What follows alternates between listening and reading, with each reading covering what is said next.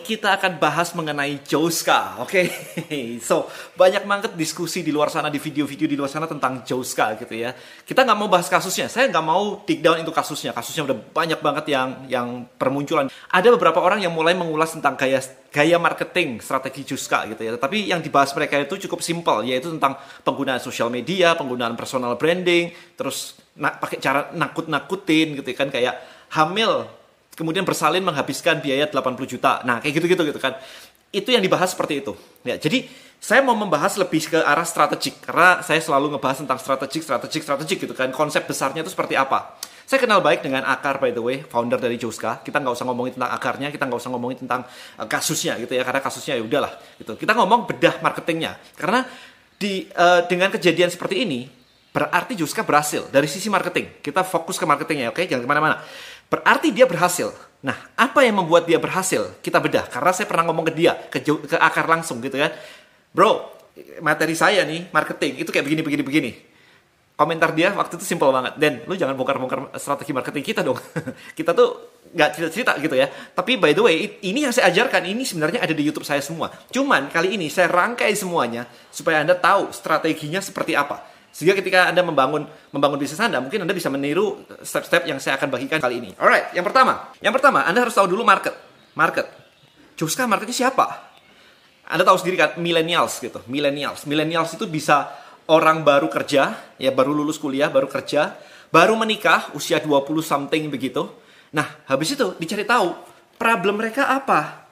Problem mereka apa yang menjadi keresahan mereka itu apa? Jadi it's not about product teman-teman selalu ngomongin tentang produk, produk, produk begitu kan harga segini, tangan pertama lah, kualitasnya bagus lah. Emang Juska pernah posting di Instagramnya tentang oh misalkan layanan financial keuangan kita, konsultasi kita harganya sekian, kualitasnya ini. Enggak gitu. Yang dibahas itu adalah gaji 10 juta.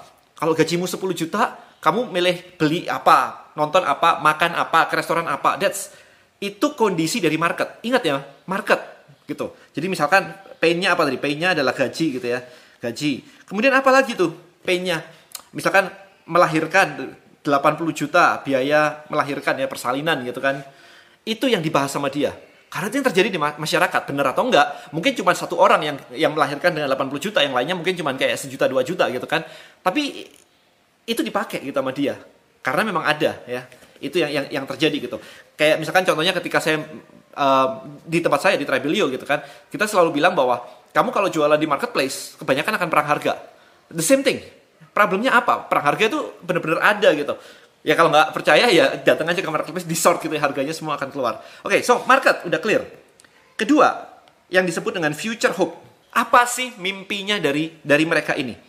Oh, mereka bisa mengatur finansial sehingga nanti bisa beli rumah, bisa beli mobil, bisa menikah dan punya anak dan bersalin punya duitnya semua, bisa jalan-jalan.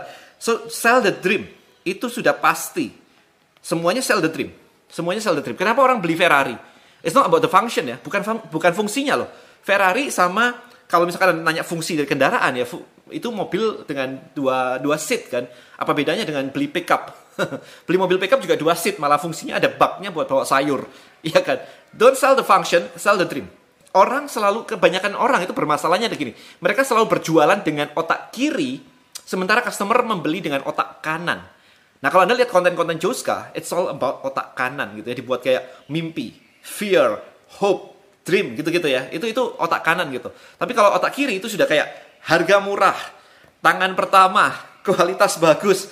It's all about otak kiri gitu. Jadi orang nggak beli itu, orang beli itu dreamnya dulu. Oke, okay? baru dijustify dengan otak kiri beli tas Hermes, uh ratusan juta gitu kan, pulang nyesel gitu. Habis itu otak kirinya mulai jalan tuh, nggak apa-apa lah, aku orang pertama yang dapat, nggak apa-apa lah, ini nggak ada lagi gitu.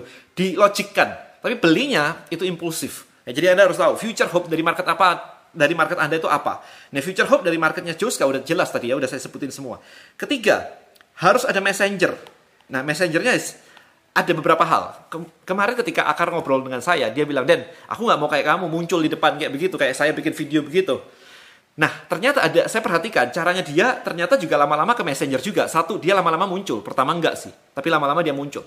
Kedua, ketika Anda melihat postingan dia di Joska yang saat ini Instagramnya udah nggak bisa diakses lagi, itu cukup menarik bahwa tidak posting kayak artikel, tetapi ada namanya Minjo, admin Joska. Oke, okay? Jadi kontennya dikasih personal. Yang ngomong tuh personal, namanya Minjo. Berarti messengernya di-create sebagai sebuah kayak sebuah apa ya? Kita nyebutnya kayak sebuah avatar gitu, kayak sebuah virtual karakter gitu. Minjo. Jadi bukan sekedar brand Joska posting, enggak, tapi ada itunya. Nah, itu yang membuat uh, istilahnya brand dia memiliki sebuah personality. Ya, jadi Anda harus pikirkan tuh sekarang konten Anda itu personalitinya siapa? Mau Anda, mau admin kayak dia, nggak ada masalah.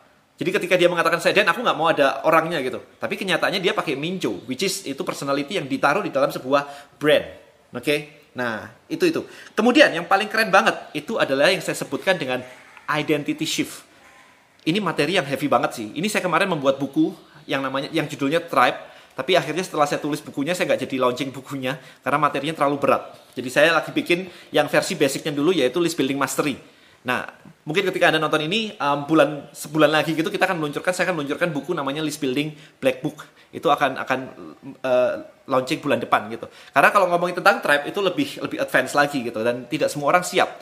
Apparently, tapi cara ini adalah yang digunakan oleh Joska, yaitu ketika kita ngomongin tentang sebuah tribe, sebuah komunitas, paling penting adalah membuat yang namanya identity shift. Oke, saya ngomong dulu di sini. Strategi berikutnya, identity shift ya. Apa sih identity shift dan kalau Anda mengatakan bahwa Anda Apple fanboy, itu identity shift. Nggak mau disuruh pakai handphone lain, maunya pakai Apple. Kalau Anda sudah ngomong, uh, Anda suka dengan Justin Bieber misalkan, Anda bilang bahwa Anda believers. Agnes Monica, fansnya nyebutnya Ag Nation, Ag Nation gitu ya.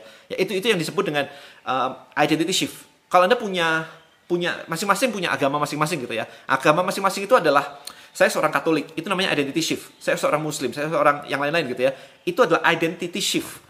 Jadi kalau Anda sudah berpindah identitasnya sebagai sesuatu itu, akan susah digeser. Kalau ditanya, dan sembayang aja di tempat lain gitu. Uh, enggak, enggak sih ya, no ya gitu kan. Sama kan sembayang kan, itu sembayang caramu lah gitu. Ya, it's, it's just not me gitu. Itu bukan saya gitu, nggak enak banget kan.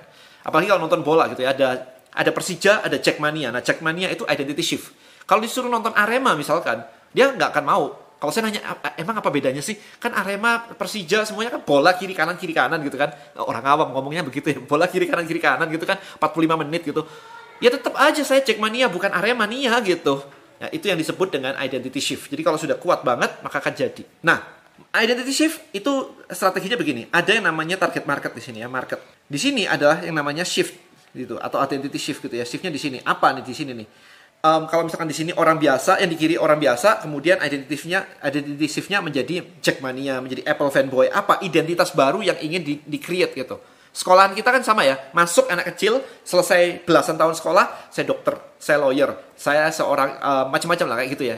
Dokter lawyer pilot itu identity shift sebenarnya. Jadi prosesnya adalah kita diedukasi. Jadi untuk menjadi sebuah identity shift ini perlu yang namanya mindset shift. Ini strateginya kayak gini. Mindset shift itu terjadi di otak Ya, nggak bisa pagi-pagi uh, bangun tidur itu anak-anak terus tato bilang saya seorang dokter gitu. Dari mana gitu kan?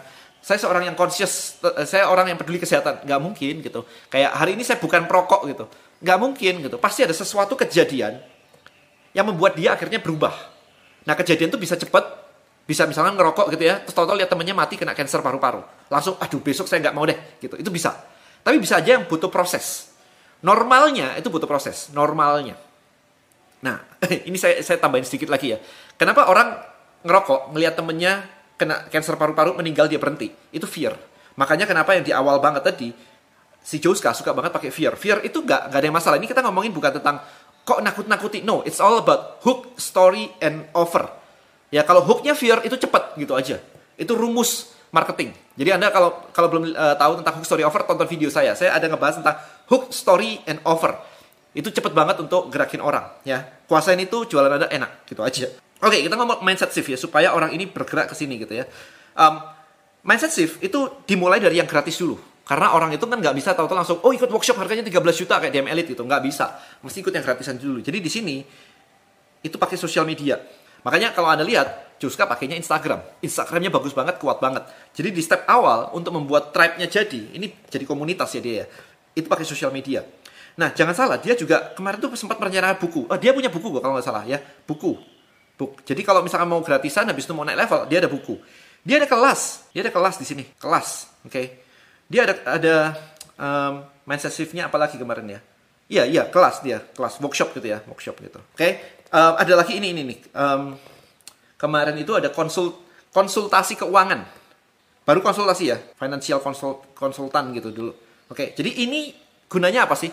Gunanya untuk mengubah mindset bahwa kamu tuh butuh gitu untuk menjadi ini.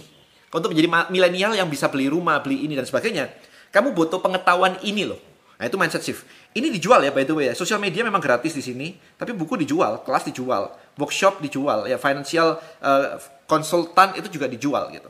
Baru di bawah ini produk. So that's the strategy. Saya nggak ngomongin kecil-kecil cuman ah pakai personal branding, ah pakai fear. No, this is the complex strategy gitu. Nah, kemudian apa saja sama dia yang dijual di sini? Nah, ini Anda harus tahu nih. Kemarin dia sempat jualan asuransi. Menarik ya? Nggak, nggak terlalu banyak loh tapi jualan asuransi. Dia jualannya asuransi menarik juga. Dia bikin kelas. Even my team berangkat datang ikut kelasnya, ikut kelas parentingnya dia. Kelas parenting. Oke, okay. jadi ada asuransi. Kemudian dia jual lagi setelah konsultasi keuangan ada jasa uh, manage keuangan gitu.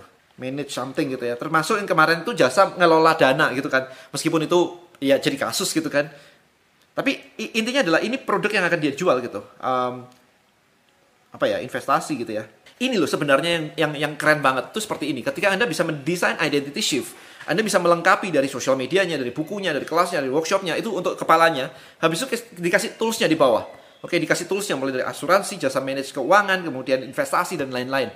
Saya nggak tahu detail produknya seperti apa, tetapi ini yang dia lakukan. Dan dia melakukannya kemarin uh, kalau saya ngajarnya kan urut kayak begini ya, urut seperti ini biar biar anda ngerti uh, cara mainnya gitu. Tapi dia bilang Dan, kalau gue nggak mau urut kayak begini, kalau urut begini mah ketebak gitu. Jadi dia lompat-lompat, lompat-lompat. Tahu-tahu dia bikin buku. Kemarin kalau nggak salah sempat nulis buku tentang uh, financial for ini ya orang yang baru punya baby dan sebagainya gitu kalau nggak salah. Dia bikin itu. Saya lupa udah launching atau belum sih karena saya bukan target marketnya dia kali ya saya nggak ngelihat uh, itu sih. Tapi dia cerita kayak begitu. So this is the whole thing kalau misalkan anda belajar tentang ini semua di di kelas saya gitu ya anda akan tahu hal-hal kayak beginian which is ini ketika anda praktekkan dengan dengan tepat hasilnya luar biasa banget. Nah setelah dari sini ini maka akan jadi sebuah tribe. Ini ini powerful tribe. Habis itu kalau sudah jadi tribe di sini akan ada sebuah movement. Rumusnya seperti itu maka ketika sudah kuat banget dia bikin movement. Itu enak banget. Bikin movement gerakan apa gerakan apa gitu udah udah enak banget. Ya jadi so this is the whole thing guys. Semoga anda bisa mendapatkan insight bahwa ini loh marketing yang dijalankan oleh Joska itu seperti ini. Kerangkanya seperti ini. Mulai dari market mimpinya apa kemudian uh, painnya apa dan sebagainya. Kemudian yang kedua adalah future hope. Yang ketiga adalah messenger nabinya orangnya siapa yang akan muncul. Nggak nggak peduli pakai anda nggak peduli pakai admin Jouska gitu ya. Nomor empat adalah identity shift gitu ya. Nah, ini semua baru kerangka strategik. Nah, eksekusinya itu lain cerita.